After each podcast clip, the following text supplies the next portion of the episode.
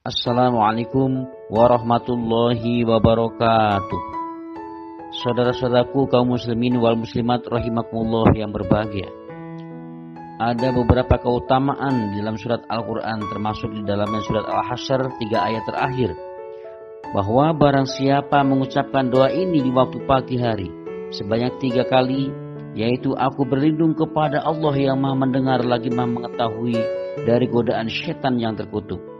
Kemudian membaca pula tiga ayat dari akhir surat Al-Hasyr maka Allah memerintahkan kepada 70 ribu malaikat untuk memohonkan ampunan baginya hingga petang hari.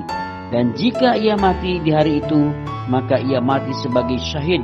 Dan barang siapa yang mengucapkannya di kala petang hari, maka dia memperoleh kedudukan yang seperti itu. Hadis riwayat Turmudi. Demikian semoga bermanfaat dan barokah. Alhamdulillah jazakumullah khairan. Wassalamualaikum warahmatullahi wabarakatuh.